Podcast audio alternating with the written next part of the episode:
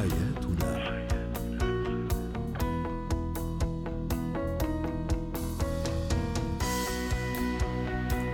نجدد وتحية لكل مستمعينا ومستمعاتنا تستمعون لإذاعة سكاي نيوز عربية في أبو ظبي وبرنامجكم اليومي حياتنا.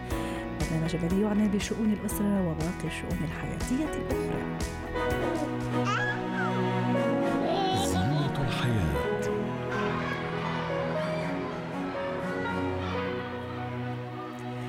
نتحدث اليوم ونحن على بعد أيام قليلة جدا على الدخول المدرسي. نتحدث إلى شريحة معينة اليوم. يتعلق الأمر بجمع أو فصل التوائم في المدرسة. للحديث عن هذا الموضوع تنضم إلينا عبر الهاتف من أبو ظبي هبة شركس الخبيرة التربوية. مساء الخير أستاذة هبة. جمع وفصل أو فصل التوائم في المدرسة المزايا والعيوب؟ هل نلجأ إلى جمع آه، أم إلى فصله أم ولماذا؟ هو طبعا لما بيخرجوا من البيت لأول مرة بيفضل في أغلب الحالات وليس كل الحالات مش بنعمم برضو إن هم يكونوا مع بعض. لأن التوأم عادة بيكونوا بيطمنوا بوجود بعض وهم حاسين إن في رابط آه، مختلف ما بينهم وما بين بعض. كل ما تقدم العمر بيبدأ يتميز التوأم. يبدأوا هم نعم. يبدأ يحصل بينهم اختلافات في حاجات آه، كتير زي الميول آه، الهوايات الحاجات المفضلة بالنسبة لهم المواد اللي بيحبوها طريقة التفكير طريقة المذاكرة ساعات النوم. فبيبدأوا واحدة واحدة هم يبدأوا يتباينوا وكل واحد تظهر شخصيته أكتر وساعتها بيكون فصلهم آه، ممكن. بعض التوائم بيكونوا على العكس بيكونوا مختلفين من الأول وخصوصا لو كانوا توأم غير متشابه. آه. فالتوأم غير المتطابق ده بيكون عادي إن إحنا نفصلهم أو نجمعهم على حسب الرابط النفسي اللي هم فيه. فالأم هي أقدر حد على إن هي تقيم الرابط النفسي اللي هم فيه وتقرر إن الطلعة الأولى لهم يكونوا منفصلين ولا يكونوا متواصلين مع بعض عشان يشعروا بالأمان ويتم الفصل. أنا بأكد على إن ضرورة إن هم يتم الفصل بينهم في المراحل المتقدمة من التعليم زي يعني بداية الصف السابع والسادس. وهذا الفصل يتم إذا أظهر التوأم. آه، كمان رغبتهم ولا حتى استعداد التوأم في الانفصال ولا لا؟ يتم خلاص بشكل حتى لو هم حتى لو هم مش مستعدين للانفصال إحنا لازم جزء من دورنا في تربية التوائم إن إحنا بنبدأ نبرز شخصية كل واحد ونحسسهم إن هم مش نسختين متطابقتين. أنتوا أيوة. أكيد في حاجات عندكم آه، غير متشابهة. أنا عم يعني فكر في, في السؤال الآتي. صحيح صحيح ست هبة. بنشوف آه، كثير مثلا أمهات وأولياء أمور خاصة زي ما تفضلت في السنوات الأولى يبعث التوأم تبعه كأنه نسخة طبق الأصل الثاني بمعنى نفس الثياب نفس عرفتي كيف؟ إذا كانت البنت أيوة نفس يعني نفس وكأنه شخص واحد رايح للمدرسة. هل ينصح فيه؟ وبعدين خلينا ندخل الحين للفصل جوا المدرسة كيف لازم يكون التعامل؟ شو هي المسؤولية الملقاة أيضا على عاتق المعلم أو المدرس؟ جميل جدا. طبعا هو التوأم بيفرحوا بإن هم يبقوا شبه بعض لإن هم بيبقوا محط أنظار الجميع. صحيح. الناس كلها بتلتف حواليهم. والطفل بطبيعة حاله بيحب يكون مركز الاهتمام. فبمجرد إن هم لقوا كونهم توأم ومتشابهين ولابسين زي بعض ومتطابقين فده بيخلي الناس تلتف عليهم فبيفرحوا بإن هم يعملوا كده. الهدف أو الفرحة دي سببها آه، لفت الأنظار. فدور الأم الذكية إن هي تبدأ واحدة واحدة تخليهم يتميزوا يختلفوا عن بعض في المظهر الخارجي وبعد كده تبدأ توريهم إن مثلا انت بتفضلي تذاكري أول ما ترجعي من المدرسة لكن أختك بتحب تنام شوية وبعدين تبدأ تذاكر انت بتحبي كذا في الأكل وأختك بتحب كذا أو أخوك مثلا بيحب كذا. فلما تبدأ هي توريهم إن هم شخصيات منفصلة بيبدأ التواصل ما بينهم يبقى تواصل. آه عندهم رابط خاص جدا جدا وهو محل دراسة كتير من علماء النفس لكن في نفس الوقت بيبدأ يحصل اليونيك إن الطفل يبقى متفرد يبدأ يحصل الفردية ويحصل التفرد ده. فأنا ما بنصحش بإن إحنا نطابق اللبس بتاع الولاد طول الوقت بنصح إن إحنا طول الوقت نشتغل على عملية الفصل ما بينهم. بالنسبة للمعلم مهم إنه يراعي العلاقة الخاصة جدا ما بينهم فما يفصلهمش بشكل يكون حاد. وفي نفس الوقت يراعي إن هم في الآخر شخصيتين مختلفتين. فما يحاولش يعاملهم على إنهم شخص واحد. يعني مو شرط يجلسوا على نفس المقعد ونفس الكرسي ممكن السين يجلس في ال في ال يعني في المقعد الأول و... والثاني يجلس في مكان ثاني. حتى لو بيعملوا مجموعات عمل يفصلوهم دي في مجموعة عمل ودي في مجموعة عمل بس ما يفصلوهمش فصل يكون عنيف ويكون بيأثر على نفسيتهم. يعني, يعني يضل دائما يراقب كمان الحالة النفسية لأنه هذه مهمة ليس كذلك. آه توازن ما بين إن هم في رابط مميز محدش يقدر يتخطاه محدش يقدر ينكره وفي برضه في نفس الوقت الشخصية والخصوصية ودي حاجة لازم برضه المعلم يراعيها والأسرة تراعيها والآخرين يراعوها لأن أحيانا بيعاملوهم على إن هم شخص واحد. صحيح أنا هذا كمان سؤالي الآتي. تيجي شوي نطلع ست هبة للفسحه آه، هم الآن في الفسحه وزي ما تفضلتي كل الاولاد دايرين فيهم لأنه مبسوطين وعم يشوفوا شيء شوية آه، مختلف. أنا كيف كمان لازم يعني أوصل لابني التوأم آه، إنه لا أنت مختلف وأخوك مختلف وكيف لازم كمان هو هذا التوأم يوصل لزملائه انه نحن مش مش مش شخ يعني شخصين مختلفين. آه، طبعا المظهر ده أول حاجة الأم ممكن تشتغل عليها وبسيطة جدا وسهلة. آه كمان إن هي تقول لهم تبدأ تعرفهم هي هم يعرفوا إن هم مختلفين عشان يقدروا ينقلوا الرسالة صحيح. دي للعالم. من حولهم. فلما يحسوا هم بالتمايز اللي حاصل بينهم هيقدروا ينقلوا الرسالة دي للعالم. آه، في نقطة مهمة جدا في المدرسة إن المعلمين بيبقوا متوقعين إن عشان هم توأم لازم يبقى عندهم نفس المستوى صح نفس القدرات ولازم صحيح. القدرات التحصيلية. ولازم النتائج تكون نفسها. والنتائج تطلع متطابقة وإن لو حد بيعرف يرسم المدرس متوقع إن الثاني هيكون بيعرف يرسم فلما يلاقيه ما بيعرفش يرسم يقارنه بأخوه على طول. انت إزاي مش زي أخوك؟ انت ليه نقطة مهمة جدا ست هبة. نعم. فطبعا النقطة دي يعني أي أم عندها توأم هي مهم تطلب من المعلمين وتأكد عليهم إن أبنائي مختلفين ولا يجوز بأي حال من الأحوال زي ما هو ممنوع نقارن الطفل بأي طفل تاني وبنقارن كل إنسان بنفسه فقط. كمان التوأم ما بيتقارنوش ببعض في المستوى الدراسي لأن غالبا على فكرة أغلب الدراسات بتقول إن مستوى التحصيل الأكاديمي عندهم ما بيطلعش متطابق والميول والقدرات ما بتطلعش واحدة. لما بيعملوا اختبارات الميول والقدرات آه لكتير جدا أكتر من 90% أنا بتكلم على دراسات.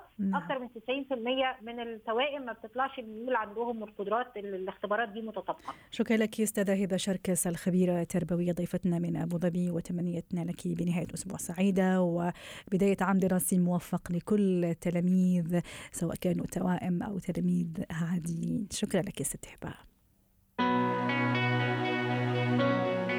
اتكات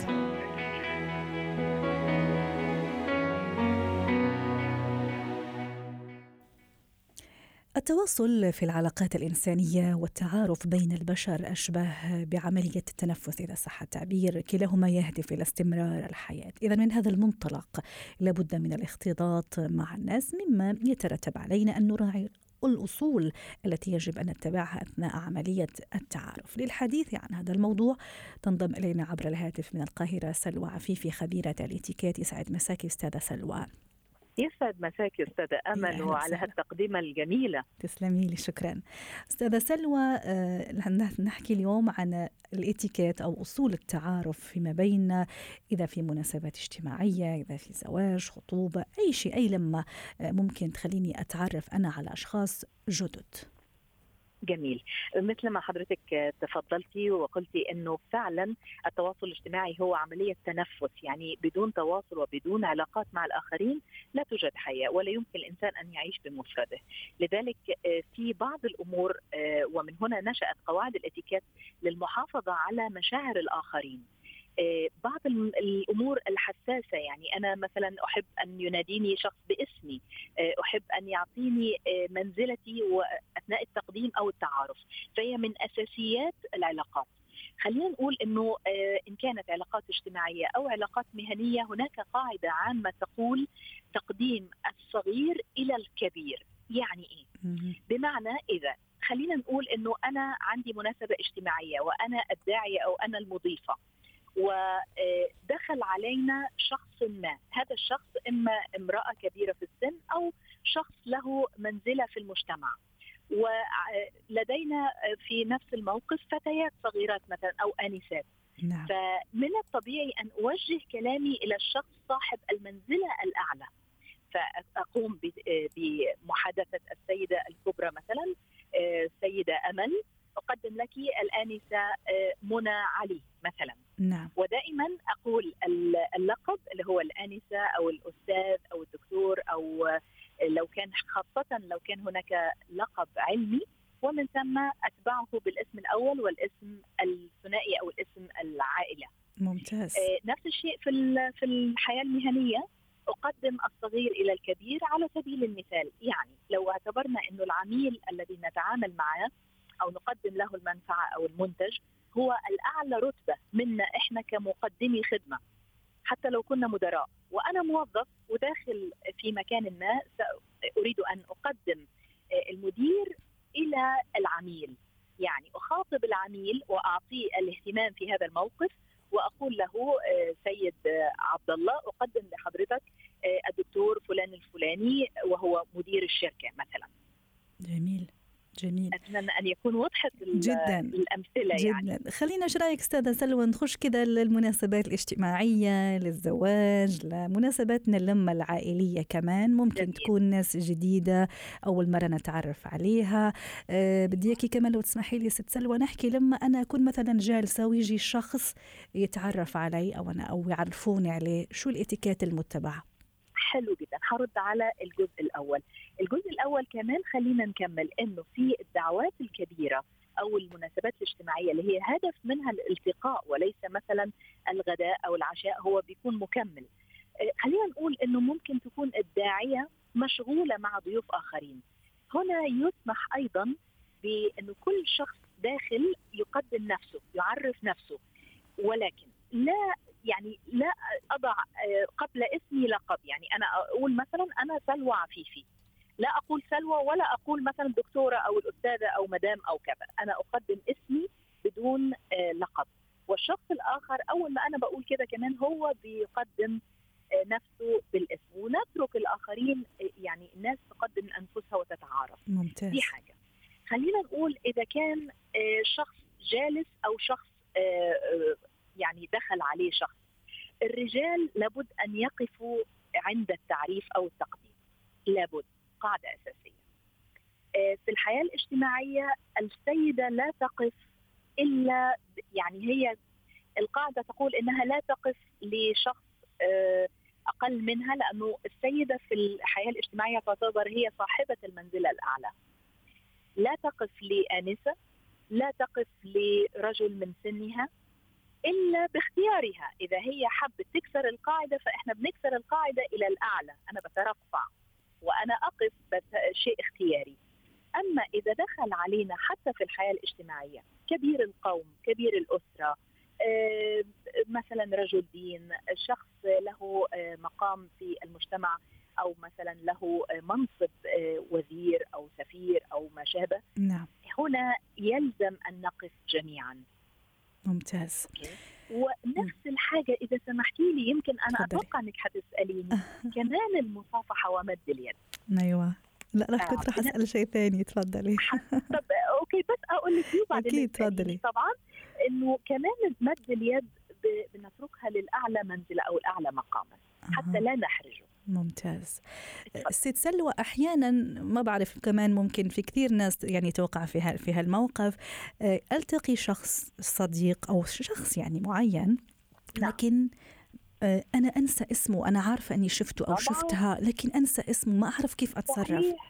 صحيح. شو القواعد في في شو القاعدة في هذا في هذا شوفي القواعد إنه المصارحة طبعا يعني أنا كمان في الآخر حدي تبس إزاي كيف نتذكر الأسماء لأنها أصبحت مشكلة شائعة. ولكن ماذا لو أنا فعلا قابلت مثلا أستاذة أمل وأنا متأكدة إني قابلتك قبل كده وأنا نسيت أنا بأبادر تاني واقول لك أنا سلوى عفيفي فاكراني؟ إحنا اتقابلنا في مكان ما أو مثلا في لقاء مرة أو كذا. أه. آه ومش غلط إني أنا لو آه فعلا مش قادرة أتذكر الاسم وحضرتك ما لقطتيهاش أو ما قلتيش أنا آه أمل مثلا أو أنا فلانة ممكن آه بسألك هنا. ممكن فضلك تفكريني بالاسم. معلش بقى اعرفي إن أنا بنسى أو كذا فأجيب اللوم عليا إني أنا اللي نسيت. شكرا لك يا ست سلوى. عفيفي أتمنى إنك تتذكري اسمي. أنا شخصيا راح أتذكره لأنه مداخلتك كانت جميلة جدا ومعلوماتك كانت قيمة. يعطيك العافية. كنت معنا من القاهرة خبيرة الإتيكيت. حياتنا.